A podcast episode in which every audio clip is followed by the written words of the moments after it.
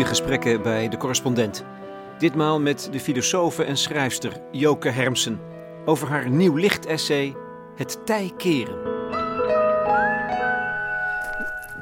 Ja, die eeuwenoude appelbomen die daar ook... Ja, ze, staan, ze worden gestut, kan ik, Ja. eh, kan ik vertellen. Ze kunnen het eigenlijk nauwelijks meer Ah ja, zelf een hopeloos verzet tegen het einde is dat. Ja, ja, en dan staan er wat mo- moderne kunstbeelden naast. ja, het is... eh, alle tijden komen hier samen, zou je kunnen zeggen. En de winter is er ook eigenlijk nog, hè? Want die bomen die zijn nog, nog, nog kaal. Ik, ik, ik had ooit een, eh, ik, had een eh, promotor, promoveerde in de Universiteit van Utrecht, begin jaren 90. Rosie Braidotti heette zij. Zij was echt een puur cultuurmens. Echt zo'n eh, stadse filosoof, zal ik maar zeggen. en zij zei, oh Joke, ga je nu alweer naar het huisje in Drenthe? Of eh, if you've seen one tree, you've seen them all. Een lange tijd vond ik dat ze een punt had. En liep ik daar in Drenthe toch. Ik ging wel altijd weer naartoe om te schrijven.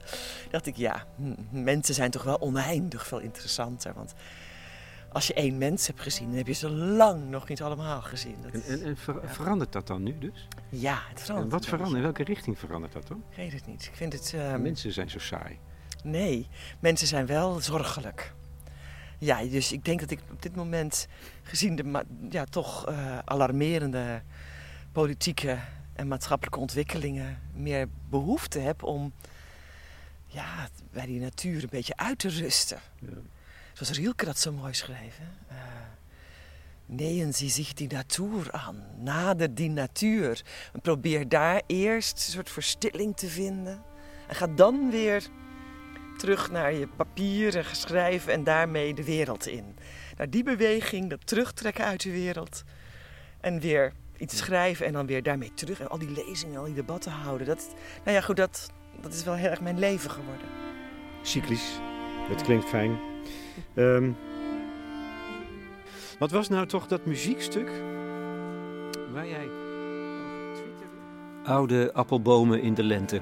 Het lijkt wel Rutger Kopland, maar het is gewoon februari 2019. Joke Hermsen heeft een schrijvershuisje in Noord-Holland, het landschap van haar jeugd, althans de eerste jaren. Dus hier zijn ze voor een deel ontstaan, haar boeken, bij dit wijdse Noord-Hollandse uitzicht. De laatste roman heet Rivieren keren nooit terug, het laatste essay Het tij keren. Grote filosofische thema's snijdt ze aan, tijd en ambiguïteit. Staan in de rivier van de tijd wil zeggen melancholie en hoop. Haar visie heeft ook een uitgesproken politiek karakter. Dat zal in het tweede deel van deze podcast duidelijk worden als we komen te spreken over Rosa Luxemburg, hoofdpersoon van Het Tij Keren. Maar eerst even genieten. Het is een weergaloze voorjaarsdag. Het licht is mooi, maar ook, ik hou erg van de geuren Ja? hier. Mengeling van eh, het weiland en de duinen en de zee. Ik ben natuurlijk hier vlak boven geboren. En die eerste vijf jaar, ja, die blijven dan toch nog meedoen. Hè? Ook al ben je je misschien niet eens bewust ervan. Is dat geluk?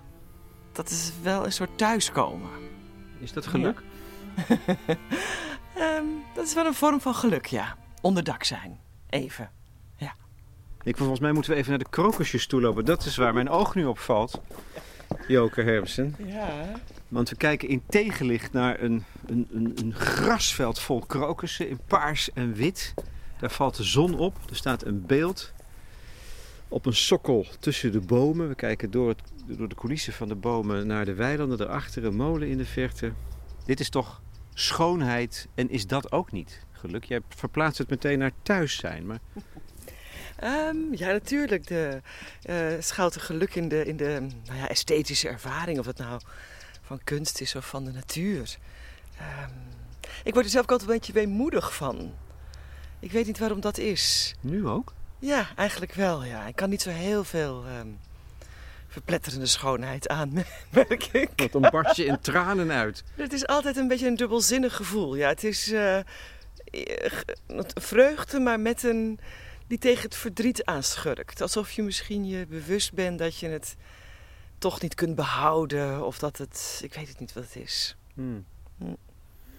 Ja, ik herken het ook wel een beetje. Trouwens, het is bijvoorbeeld in, in de kunst ook een ervaring die vaak zo dubbelzinnig is, hè? Als je, toch? Zeker, zeker, zeker in de muziek. Maar ja, dat is bijna altijd heeft dat een melancholieke ondertoon. En, ook als je geniet van de schoonheid, dan zit daar dat verdriet plots onder. Wat is dat toch in de mens? Nou, ik denk misschien dat uh, Simone Weil ons daar nog wel eens op, een beetje op gang zou kunnen helpen. Omdat zij natuurlijk um, heeft geschreven dat de waarheid over de mens toch altijd in de paradox verscholen zit. En de melancholie is natuurlijk een dubbelzinnig, ambivalent gevoel van zowel vreugde als verdriet.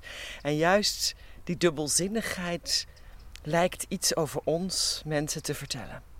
Meer dan, het, dan de loutere vreugde of het neerzijgen in een poel van tranen. Ja, Dus het is mooier als die twee eigenlijk tegen elkaar uitgespeeld worden of in een soort verhouding komen te staan. Ja.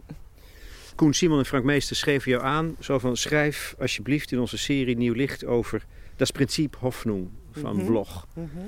Over hoop. Ehm, en ze zeggen hoop is jouw grote thema. Ik denk, nee toch? Mm. Tijd is toch jouw grote thema? Ja, dat, dat kan natuurlijk met een zin van Ernst Bloch, de Joodse denker die belangrijk is in mijn werk, meteen pareren. Want van, van, van Bloch is de beroemde uitspraak: tijd is hoop. En dat zou wel een soort motto van voor mijn werk kunnen zijn. Ja. Het is zowel tijd als hoop binnen, binnen die melancholie. Hè. Laten, we, laten we dat, die niet vergeten. En, Kun je het uit, nog, nog een keer toelichten? Tijd is hoop? Nou ja, het is eigenlijk bijna een tegeltjeswijsheid natuurlijk. En zolang er tijd van leven is, is er hoop. Is er kans op verandering, is er kans op verbetering. Is er kans op een nieuw initiatief. En um, dat is wel wat ik... Um, bijvoorbeeld ook met Hannah Arendt in, in mijn werk heb proberen te benadrukken. Dat wij mensen niet alleen maar sterfelijke wezens zijn, maar ook geboortelijke wezens. Hè. Dat wil zeggen dat wij dankzij onze creatieve en cognitieve vermogens in staat zijn om ons bestaan tegen het licht te houden en dan te beslissen: het moet anders. We gaan het over een andere boeg gooien. We gaan helemaal opnieuw beginnen.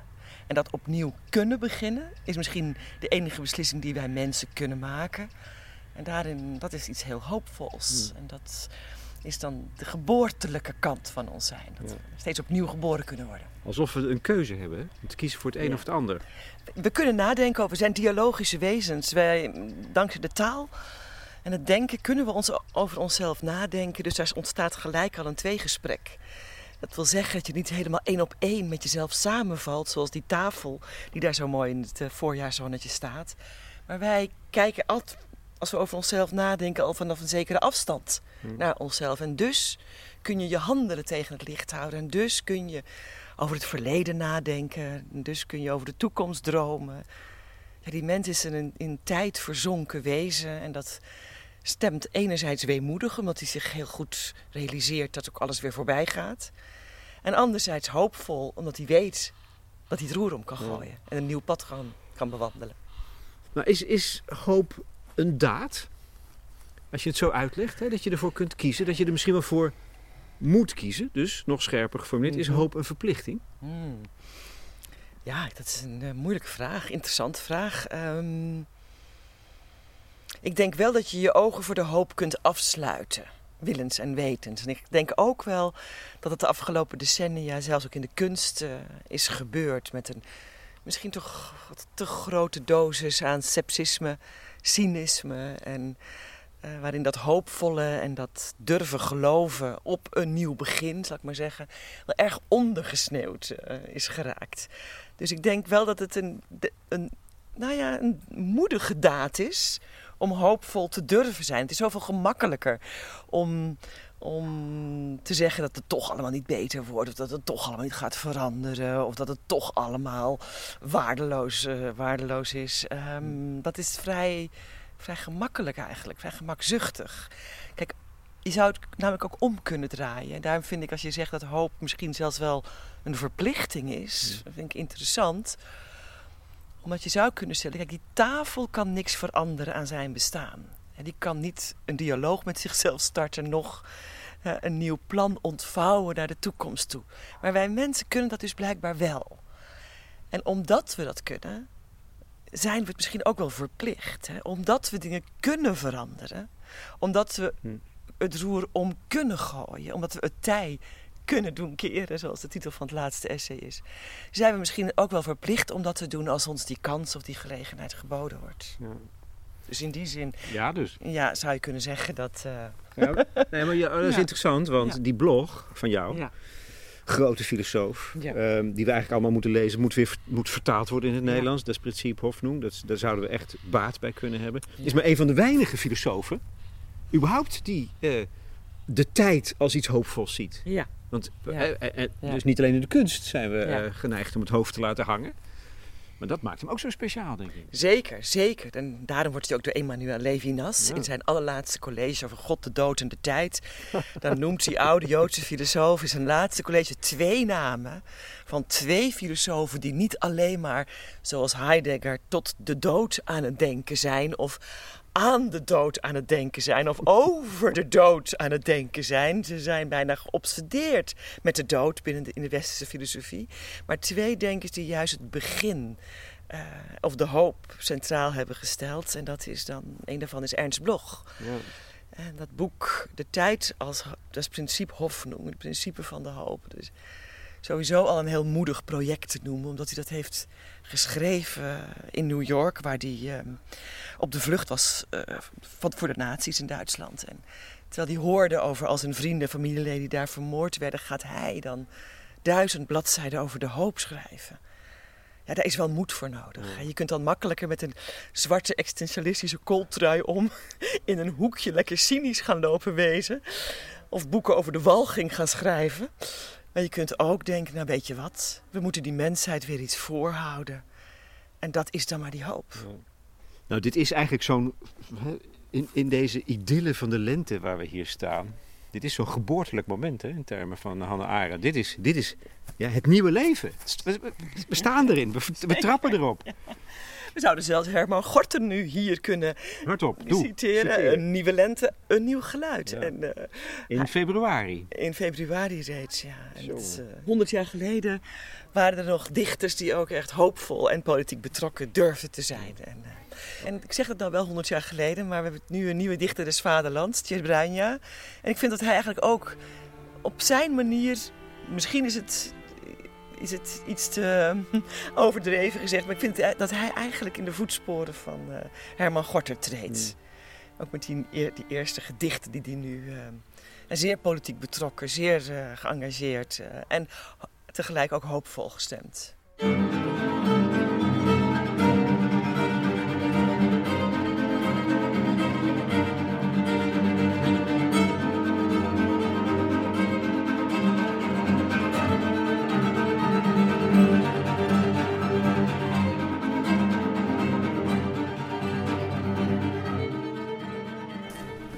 Wandelen door het gras, daar staan de schaapjes eh, te, te knabbelen aan het gras, het jonge verse gras. Tijd, het is toch niet zo eenvoudig, denk ik. Er is, hè, bij blog, dat vind ik wel fascinerend, tijd is belofte. Eh, eh, Het is het onaffe, het moet nog komen eigenlijk. Dus dat Mhm. komt later. Terwijl heel veel mensen zeggen, wijze mensen zeggen, nee, je moet in het nu leven. En volgens mij speel je daar ook een beetje mee Mhm. in je laatste roman, Rivieren Mhm. keren nooit terug. Mhm. We moeten eigenlijk leren gewoon in het nu te zijn. Dat staat volgens mij behoorlijk haaks op, op dat gedachtegoed van blog. Kan jij het al een beetje in het nu, in het nu leven? Nou ja, ik vind dat ook, ik vind dat ook weer een beetje een, een soort slogan of een soort leuze Ja. Ehm, ik denk dat we de tijd serieus moeten nemen als mensen. Omdat we nu eenmaal die, in die tijd verankerde wezens zijn. Dus we, zijn, we moeten ook over het verleden nadenken. Niet alleen over onze eigen handen in het verleden, maar ook over de geschiedenis. En over wat er in de geschiedenis gebeurd is. Zodat we wat beter voorbereid zullen zijn op wat er op ons afkomt ehm, in de toekomst. En ik vind ook dat je moet proberen regelmatig in het, bij het heden te verwijlen. Of in ieder geval heel aandachtig in dat heden aanwezig te zijn. Maar Kan je dat al een beetje? nou ja, het is hier natuurlijk niet zo heel erg moeilijk. Kijk, hier hoef je maar voor, dat, voor, voor, voor die schuur daar te gaan zitten. Ja, je valt stil. En het gebeurt al. Doe, doe je dat trouwens ook regelmatig? Dat je gewoon... ja, anders zou ik geen nooit meer iets nieuws kunnen schrijven. Ja, maar, dat, stil- maar dat doe je. dan. Ga je daar op dat Ja. terrasje zitten en kijken Ja. en niks doen? Ja, dat moet ik wel doen, want anders krijg ik geen moet het- ja, jawel, ja. jawel. Het is jawel. Anders krijg ik geen, geen rust. En vanuit die rust poppen pas die nieuwe ideeën op. Dus als je maar door blijft hollen en door blijft jagen... ja, dan kan je nog wel binnen de orde van hetzelfde functioneren. En daar zelfs nog heel bekwaam in worden. Als het logistieke goochelaar, zal ik maar zeggen. Maar je zult niet meer dat onverwacht nieuwe bij zijn kuif kunnen grijpen. Dat is dat kairotische moment. Wat voor mij het creatieve moment bij uitstek is. Wat niet te plannen, niet te programmeren valt. Waar je ook niet keihard voor kunt werken. Het moet je toevallen. En daar ja, dat is een houding die je cultiveert. Het is lopen, muziek luisteren, helpt bij mij ook enorm. Ik ga vaak naar de matinee en dan ben ik het helemaal niet eens van plan. Maar Zaterdag toch, in het Concertgebouw in Amsterdam. Ja, en toch halverwege het concert heb ik weer iets bedacht. Dan zit je niet goed te luisteren. Jawel. Nee, dan zit je niet op te letten. Jawel. Joke Hermsen. ja, en voor mijn idee dus wel. Dus je luistert en, dan wordt, en dat luisteren dat wordt een denken en dat denken wordt een dagdromen. En dan, oh, zo ga ik het nieuwe hoofdstuk doen. En dan ben ik weer terug in de muziek. Hmm. En heb ik dus alleen maar naar muziek geluisterd. En ik ben totaal ontspannen en tot rust gekomen. En ik sta buiten en ik heb het beste idee van de week gehad. Snap je zo? Ook daar zie je weer dat die hele, daar zie je weer die hele creativiteit ook iets, iets paradoxaals heeft. Dan gaat de tijd weer stromen, paradoxaal genoeg, denk Ja. ik. Juist dan stroomt de tijd pas, echt. En dat is het natuurlijk, in die rivier kunnen stappen. Ja. Maar er zit ook, en dan grijp ik toch even terug naar ehm, die roman, Rivieren keren Mhm. nooit terug. Dat is een roman over rouw, zou je Mhm. kunnen zeggen. Een melancholie. Ja, ik vind het nog, ja, melancholie, dat is er, zit er altijd in. Maar dat is Ja. nog een wat, zeg maar, diffusere term. Terwijl rouw is gewoon hard en meedogenloos. En op pagina 2 zeg je dat het hele leven gaat eigenlijk alleen maar over afscheid nemen. Afscheid nemen van onze jeugd, van het gevoel van de jeugd. En we doen niks anders. Ja. Dat vind ik andere taal, snap je? Het is ook waar, hè? Dat kan niet allebei waar zijn. Ja, zeker wel. Jawel, jawel. En elk einde schuilt een nieuw begin. Dat is eh, wat Hannah Arendt eh, in haar boek over totalitaire regimes, notabene, ehm, eh, zo benadrukt heeft. Ook om die geboortelijkheid van die mens naar voren te schuiven. En dat we niet bij de, bij de pakken neer gaan zitten. Dus dat is het geruststellende ook van een verhaal, bijvoorbeeld. Ja. Hè? En het is het probleem van internet, die oneindigheid daar. Er wordt nooit een punt gezet op internet niet. En elk verhaal eindigt, en hoe treurig het ook eindigt, zodra die punt er staat, kan er weer een nieuw verhaal verteld worden. En dat hangt samen. Dus ik denk dat het bewustzijn over verlies en over afscheid nemen al het begin is om een nieuw verhaal te kunnen vertellen. Dus dat is misschien wat ik in die roman probeer te verwoorden. Dat je de tijd moet nemen om bij verlies stil te staan. Om rouw een plek te geven, iets langer dan die ene dag die we daar nu nog, die veel mensen daar op dit moment voor krijgen van de werkgever. Je krijgt één dag tegenwoordig om te rouwen over als je geliefde overlijdt. Het is, ja, het, het kan niet. Je hebt daar weken, maanden voor nodig. En als we dat niet doen, dan dreigt die melancholie van ons om te slaan in depressiviteit. Dat is natuurlijk de quintessens van het essay Melancholie van de Onrust. Maar dat is in die roman op literaire wijze Ja, ja. ehm, verwoord. Maar ik dacht, het is een andere stem. Hè. Daar, daar is het... Ja. Het is ook een rotervaring. Zeker. En, nou ja, wat ik interessant vond voor dit boek, Ja. is dat eh, Freud, als een honderd jaar geleden, het zal ook niet, hè, in zijn essay eh, Rouw of Melancholie, al hierover geschreven heeft dat de rouw, en het gebeurt ook met het hoofdpersoon uit Rivieren keren nooit terug, dat de rouw bemoeilijkt wordt en ook dat afscheid nemen, als het onduidelijk is door te tegenstrijdige gevoelens wie er nu overleden is. En dat is in deze roman Ja, ja. aan de hand. Ja, natuurlijk. In deze roman is het onduidelijk of het nu een liefdevolle vader was of een, eh, een, een zeer onaangename, driftige en zelfs eh, gewelddadige vader. En aangezien zij de balans daarover niet goed weet op te maken, weet ze niet wie ze verloren heeft en weet ze ook niet over wie ze moet rouwen. En dan zegt Freud, dan slaat die rouw bij het subject zelf naar binnen en dreigt ze dus, en dat zien we gebeuren in die roman, zichzelf kwijt te raken. Ook daarom is het zo belangrijk dat mensen de tijd krijgen om te rouwen. Want als dat proces niet goed eh, doorlopen wordt, dan is de kans groot dat dat een, een, nou ja, een, een bijna een chronisch depressief eh, verhaal kan worden. Maar alle vormen hebben tijd nodig. En dat is natuurlijk elke keer weer het probleem in deze samenleving. En waar die tijd zo'n economisch product is geworden en zo voortdurend tegen ons wordt gebruikt en zo vereconomiseerd is geraakt. Tijd is geld, nou we zullen het weten ook. Dus als jij wil rouwen, prima. Maar meer dan een dag krijg je er niet voor. Nou, dat... hele geamputeerde mensen van in feite. Nou ja, dat, dat is natuurlijk tel uit je winst op de lange termijn. Want dat geeft natuurlijk uh, grote problemen.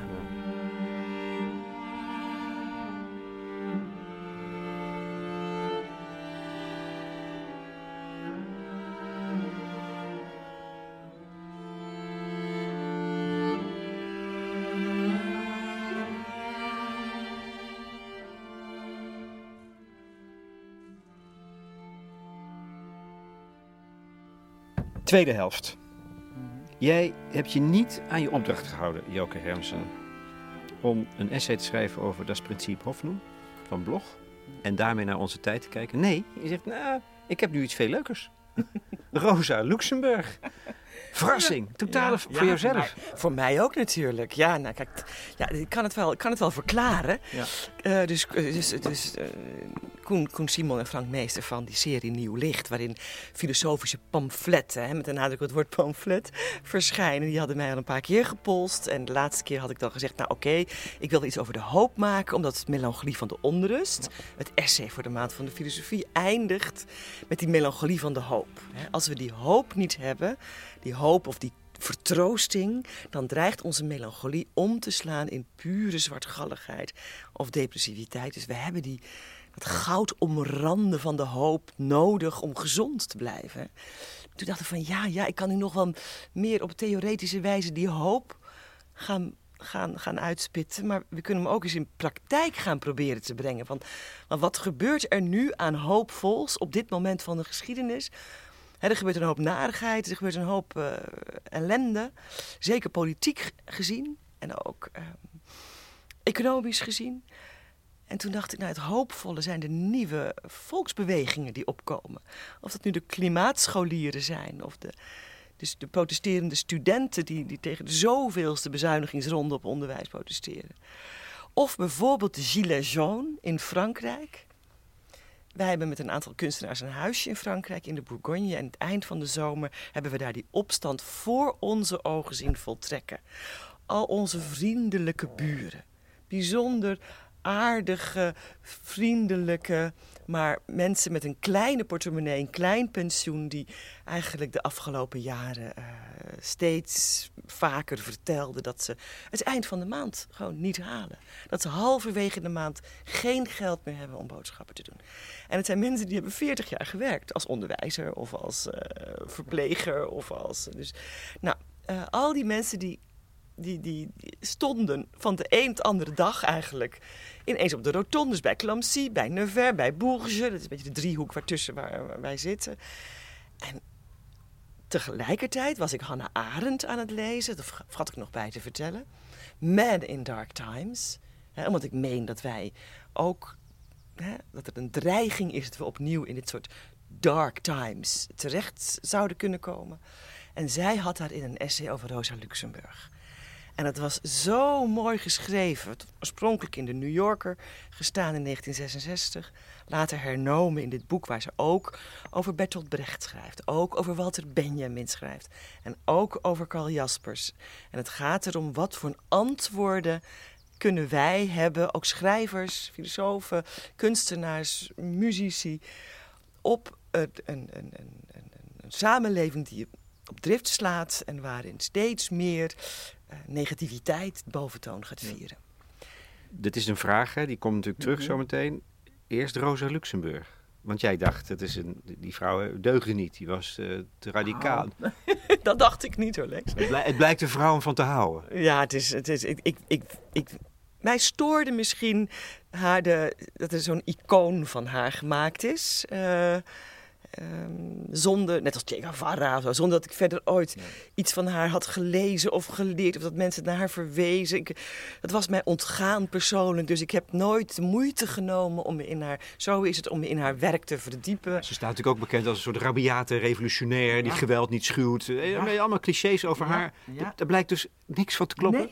Dat is wel wat tamelijk ontluisterend. Dus die rode, bloeddorstige Rosa, die eigenlijk de Marxisten en later de Stalinisten van haar gemaakt hebben vanwege haar kritiek in 1917 al op de Russische revolutie. Dus Lenin en Trotsky, die daar een ondemocratische dictatuur van enkele partijleiders van hebben gemaakt, haar eigen woorden, is ze verdacht. Nou, is ze verdacht geworden in de ogen van de brede marxistische bewegingen en is ze eigenlijk uh, gedisqualificeerd door, door links. En natuurlijk ook sowieso al door rechts, omdat ze van jongs af aan tot de revo links-revolutionaire partij behoorde. Wat heb je nu ontdekt? Wat voor vrouw is het eigenlijk? Waarom kan zij ons inspireren tot op de dag van vandaag, 100 jaar later? Ja, nou in ieder geval is er uh, sprake, moeten we de geschiedenis herschrijven, die van de afgelopen. En moet haar recht worden gedaan, moet er werk bestudeerd. En ik, ben, ik heb dat gedaan, uh, geïnspireerd door Hannah Arendt. Um, vooral ook omdat ik een aantal. Kijk, Hannah Arendt, dat, dat weten we, daar heb ik al vaak over geschreven. Dat is een van mijn helden, um, die we nu op dit moment zeer nodig hebben. Ik leg al die boeken uit waarom. Maar zij schijnt dus, of zij lijkt, of dat is nu duidelijk, een aantal belangrijke begrippen en gedachten van Luxemburg te hebben overgenomen. En één daarvan is pleidooi voor een meer directe vorm van democratie omdat een parlementaire democratie met dat eens in de twee of vier jaar alleen maar een vakje vol kleuren, niet genoeg een democratische gehalte van een samenleving kan garanderen. Het neigt naar oligarchie, schrijven ze allebei. Luxemburg, eind 19e eeuw. Hannah Arendt in haar boek over revolutie, uh, halverwege de jaren 60, 20e eeuw. Het neigt naar oligarchie omdat maar een paar honderd Kamerleden, Eerste en Tweede Kamer, politieke beslissingsbevoegdheid hebben. En samen dat politiek nieuwe, wat voor Hannah Arendt politiek is. De, de, de nieuwe handeling, het nieuwe gezichtspunt. Iets wat, wat, wat de zaak eh, in een ander daglicht stelt en nieuwe kansen biedt. Dat ligt alleen maar in de handen van die, van, van, van die parlementaire vertegenwoordigers. En de rest van, het, van de hele bevolking moet maar toekijken of het goed komt. En onderwijl spelen daar bij die partijvertegenwoordigers steeds meer electorale belangen. Uh, in Nederland dan ook alle afspraken die in het regeerakkoord al zijn dichtgetimmerd. Dus dat nieuwe kan helemaal niet meer plaatsvinden. En daarom vond zij het noodzakelijk dat dat werd aangevuld met burgerraden. Je moet je voorstellen zoals de jury werkt in Amerika. Uh, eens in de vijf, zes, zeven jaar, dat moet, je, dat moet je allemaal natuurlijk afspreken, kun je gelood worden in jouw postcodegebied en krijg je een aantal dagen vrij, betaald en vergoed en wel, om met een, een twintigtal, dertigtal postcodeleden, uh, jouw buurtbewoners, stadsdeelbewoners, uh, na te denken over een belangrijk politieke vraagstuk. Je mag eh, experts uitnodigen, je mag je teksten bestuderen. Je moet, net als bij een jury in Amerika, tot een weloverwogen oordeel komen. Dat is iets heel anders dan een volksraadpleging in de vorm van een referendum, mm. waar we weer alleen maar een vakje vol kruisen. En waarschijnlijk nog zeer beïnvloed zijn geraakt door allerlei ja, populistische partijen die, ja, dat hebben we gezien. Uh, met een gemakkelijk ja of nee ons proberen ergens, ergens in te praten. Het sluit heel erg aan bij het, het pamflet van David van Rijbroek tegen verkiezingen. Zeker. Hè, er gaan nu meer stemmen op. En, dat wordt dan in het begin een beetje schamper over gedaan. Van, ja. ah ja, wat een idee, ja. Ja, hoe, hoe, gek kun je worden? Ja, maar het is dus een heel oud idee. Het idee komt dus eigenlijk uh, volksraden democratie, noemt zo Luxemburg het. Hannah Arendt heeft het overgenomen in haar boek over revoluties, jaren 60. Ze laat zien dat bijvoorbeeld de Hongaarse revolutie ook heel succesvol was in de eerste weken, omdat tijdens de opstand men zich verenigde in die volksraden, net als bij de Parijse Commune in de, in de 19e eeuw. En er zijn nog meer voorbeelden. En het volk, de bevolking, heel goed in staat was, beter dan de politieke uh, de partijen, de, de, de, reguliere um, parlementariërs, om zichzelf te organiseren en de juiste beslissingen en de juiste maatregelen te nemen. Eh, jij hebt toch zelf ook, je schrijft je in uh, Tijkeren, mm waarin je dit ook aanroert, mm -hmm. um, aan Stiptmeer. Je hebt in een wijkraad gezeten in Amsterdam. Ja. En, en dat, dat, dat, dat, is, dat is een hele goede ervaring volgens ja. mij. Ja, ik denk dat ik daarom ook zo Ja. enthousiast eh, raakte ehm, over eh, eerst het essay van Arendt over Luxemburg en vervolgens over Luxemburg zelf. Kijk, je moet wel oppassen. Eh, ik ben eerst de brieven van Rosa Luxemburg gaan lezen en die zijn, dat zijn pareltjes. Dat is werkelijk wereldliteratuur. Ze was ook eh, een groot kenner van, van literatuur, filosofie. Ze vertaalde Russische literatuur. Ze kende de grootste auteurs.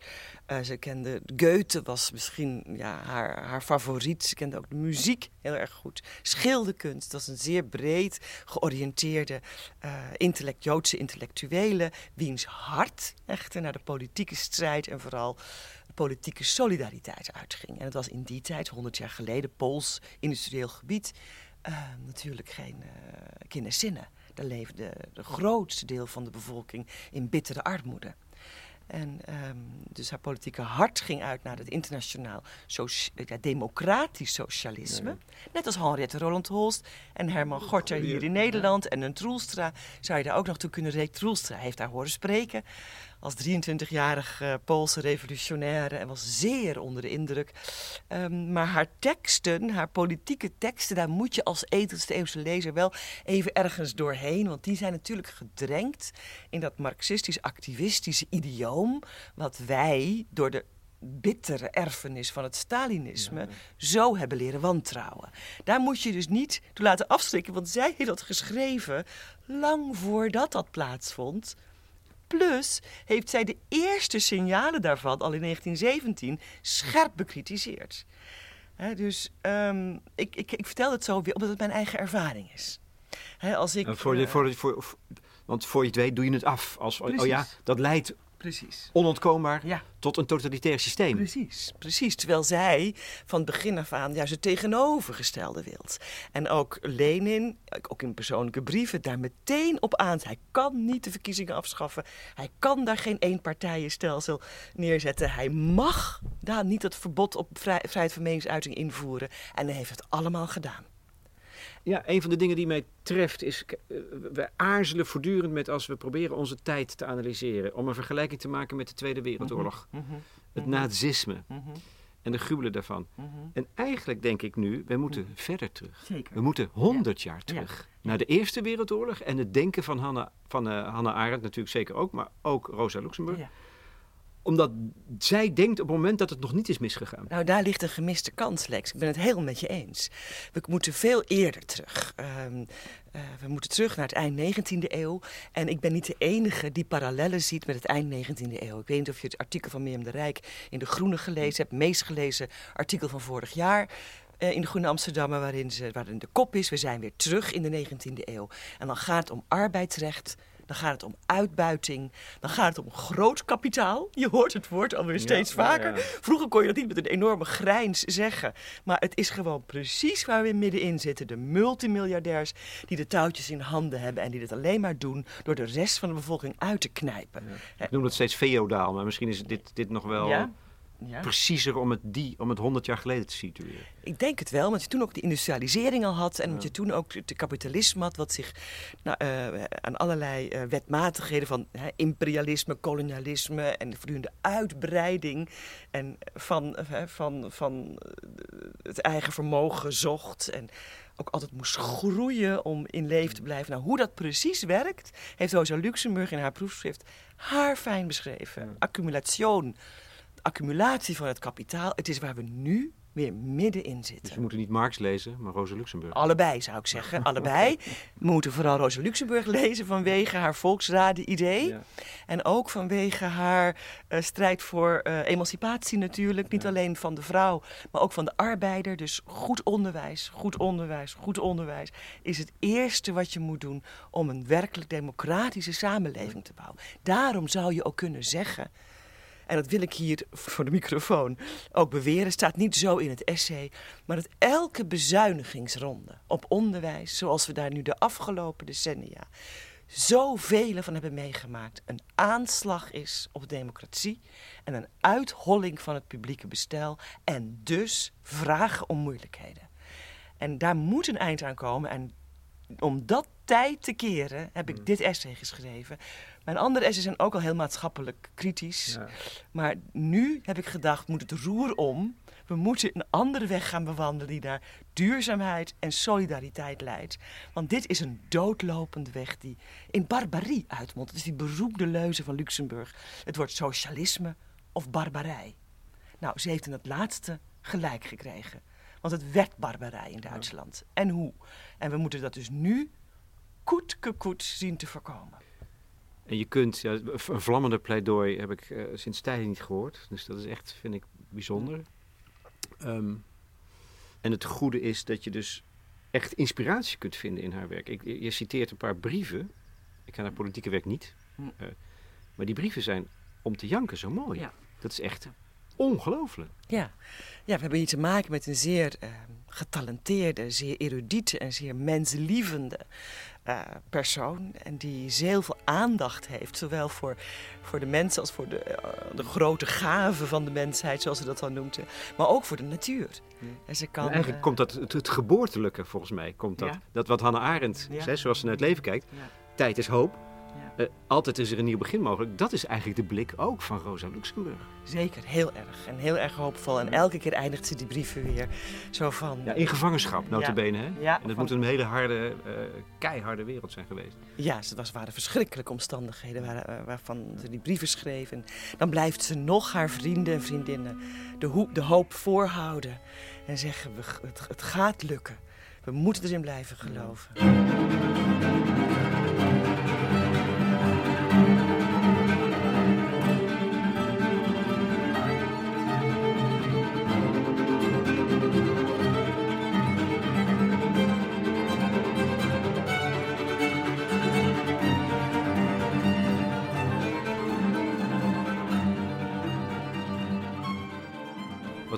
Is een enorme concentratie van macht en rijkdom aan de ene kant.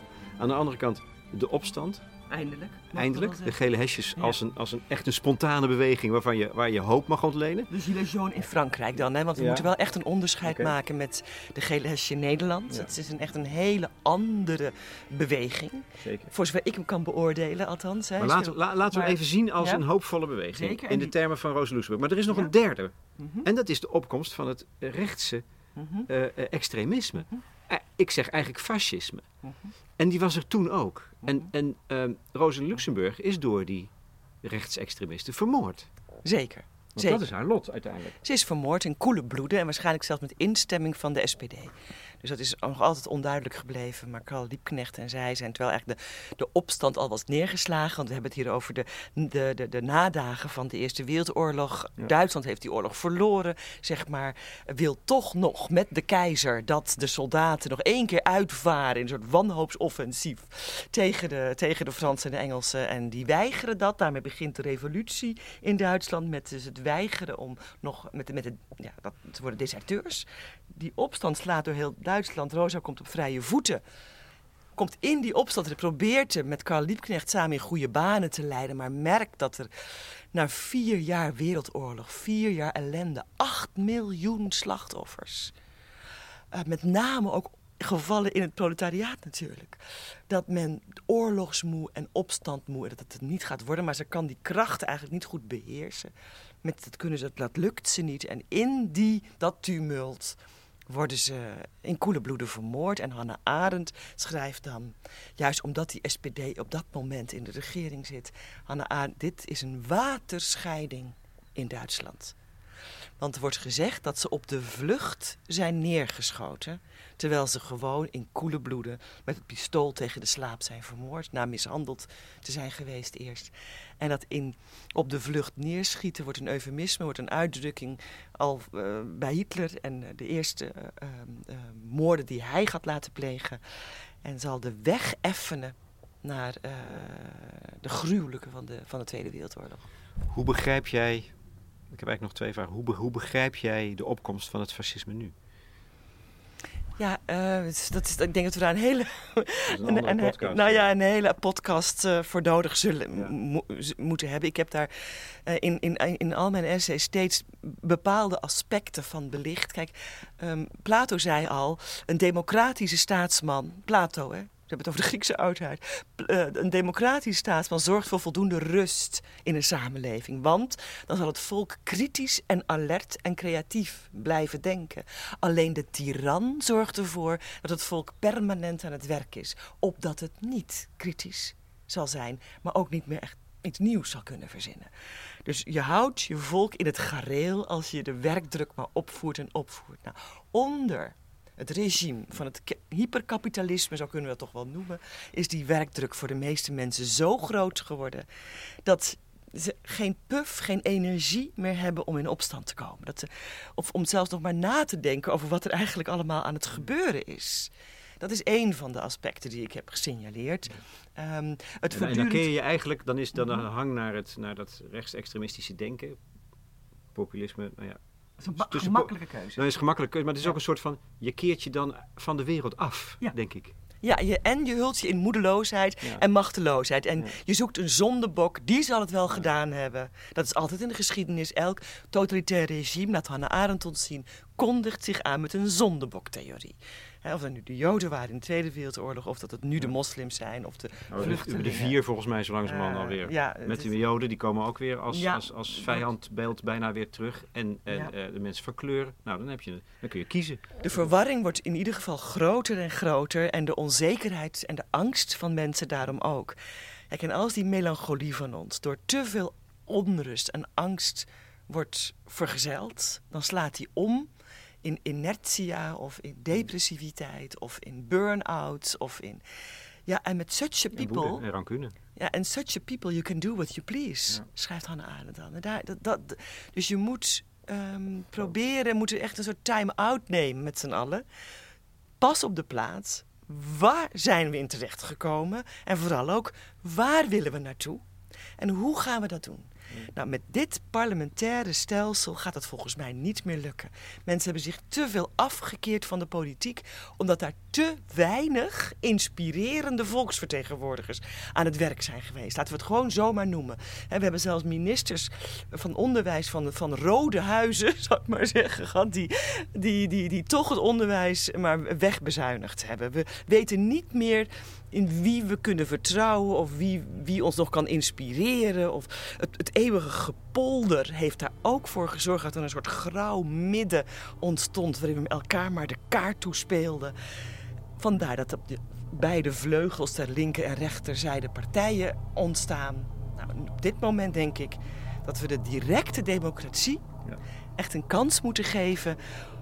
Het is directe democratie als we dan even een, een variant op de leuze van, van, van Rosa Luxemburg willen maken: het is directe democratie of barbarij. Dat is volgens mij nu de keuze.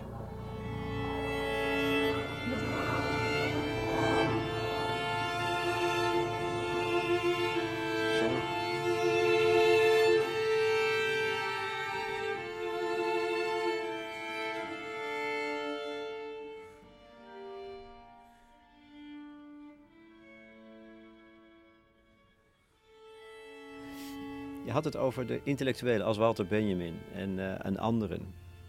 Uit, uit, uit de groep ook van Rosa Luxemburg. Ehm, eh, wat is dan tot slot in het debat en in de ontwikkelingen en in de verwarringen en in de ellende soms? Dat mensen aan het eind van de maand hun uh, touwtje niet meer aan elkaar kunnen knopen, zoals in Frankrijk nu het geval is. Wat is dan nu de taak, de eerste taak van de intellectuelen? Nou ja, van de intellectuele weet ik niet, maar van, ik denk van, de, van, de, van iedereen is onderwijs, onderwijs, onderwijs. Daar begint het mee.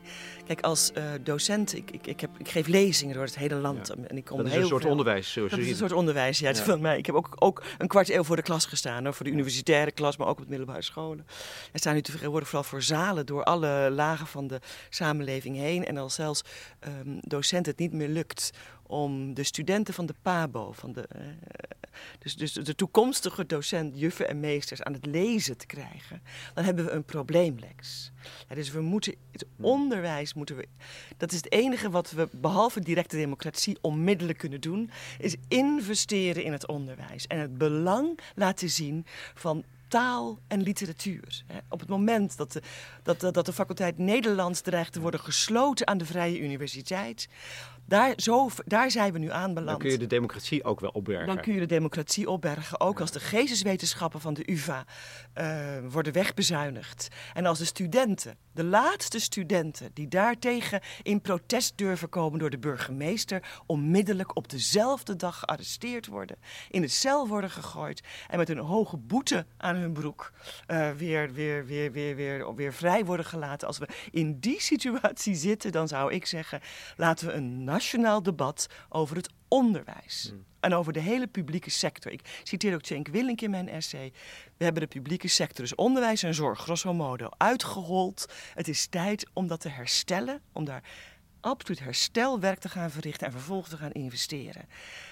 En dan mag je hopen dat mensen weer gaan lezen, dat mensen weer gaan nadenken, dat mensen weer zich gaan laten goed laten informeren. Zich weer tot de wereld richten, zou je kunnen zeggen. Nou en niet er zich ervan afkeren, maar en tot elkaar in gesprek. Precies. En tot de wereld. En dan kom je bij het belangrijke begrip van Hannah Arendt en Rosa Luxemburg. Het is die amor mundi, het is die betrokkenheid op de wereld. En wat Hannah Arendt laat zien in haar analyse van elke keer als er een totalitair regime ter linker of rechterzijde in het zadel kwam, is dat de amor dus de betrokkenheid op de wereld en de verantwoordelijkheid voor de wereld op dat moment bij de bevolking nihil was. Door armoede, door oorlogen, door wat voor toestand er ook. Nu is die nihil, zou je kunnen zeggen, door werkdruk, door stress, door bezuinigingen, door allerlei factoren die we moeten onderzoeken. Maar als die betrokkenheid op de wereld verloren gaat, dan mondigt, en dan gebruikt ze hetzelfde woord als Luxemburg, dan mondt die uit in barbarij. Dus het is, de keuze is op dit moment qua milieu, qua klimaat, qua aarde en qua menselijkheid van de wereld niet zo heel moeilijk, lijkt mij.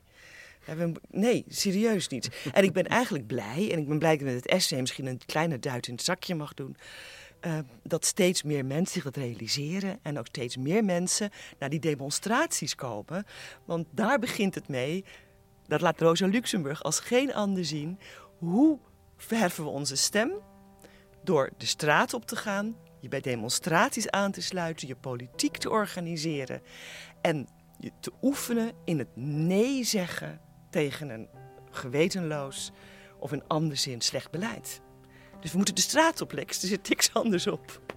Ik ga mee. Ik ga mee. Je hebt me volkomen overtuigd. Ik ga mee. Al wil ik ook wel even hier nog een momentje blijven zitten.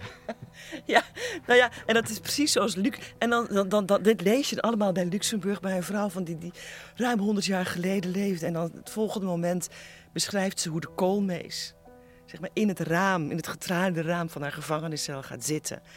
En zijn twie-twie te horen geeft. En dan schrijft ze: Ach, op mijn graf geen grote woorden. Op mijn graf wil ik alleen de roep van de koolmees.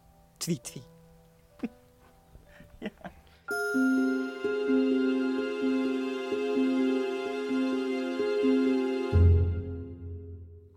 Joke Hermsen in gesprek met Lex Bolmeijer voor de correspondent over haar essay Het Tijkeren, dat deel uitmaakt van de serie Nieuw Licht.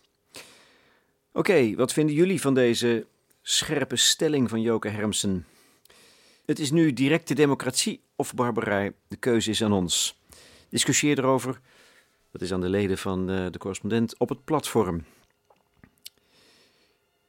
Word lid van mijn nieuwsbrief om op de hoogte te blijven van deze serie Goede Gesprekken. De volgende aflevering is met acteur en schrijver Saman Amini.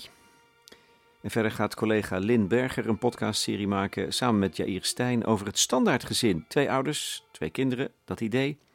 En zij zoeken standaardgezinnen die mee willen werken. Uh, gezinnen bijvoorbeeld die in verwachting zijn van een tweede. Wie heeft er zin om mee te doen? Meld je aan bij Lin. De muziek, tenslotte, die ik gebruikte is van Petris Vasks. Castillo Interior, dat is een lang verhaal, doet er niet zoveel toe. Gaat over de Spaanse mystieke dichteres Teresa Davila, die een rol speelt in de roman Rivieren keren nooit terug van Joke Hermsen. Deze uitvoering van de muziek was van Daniel Rowland en Maya Bogdanovic.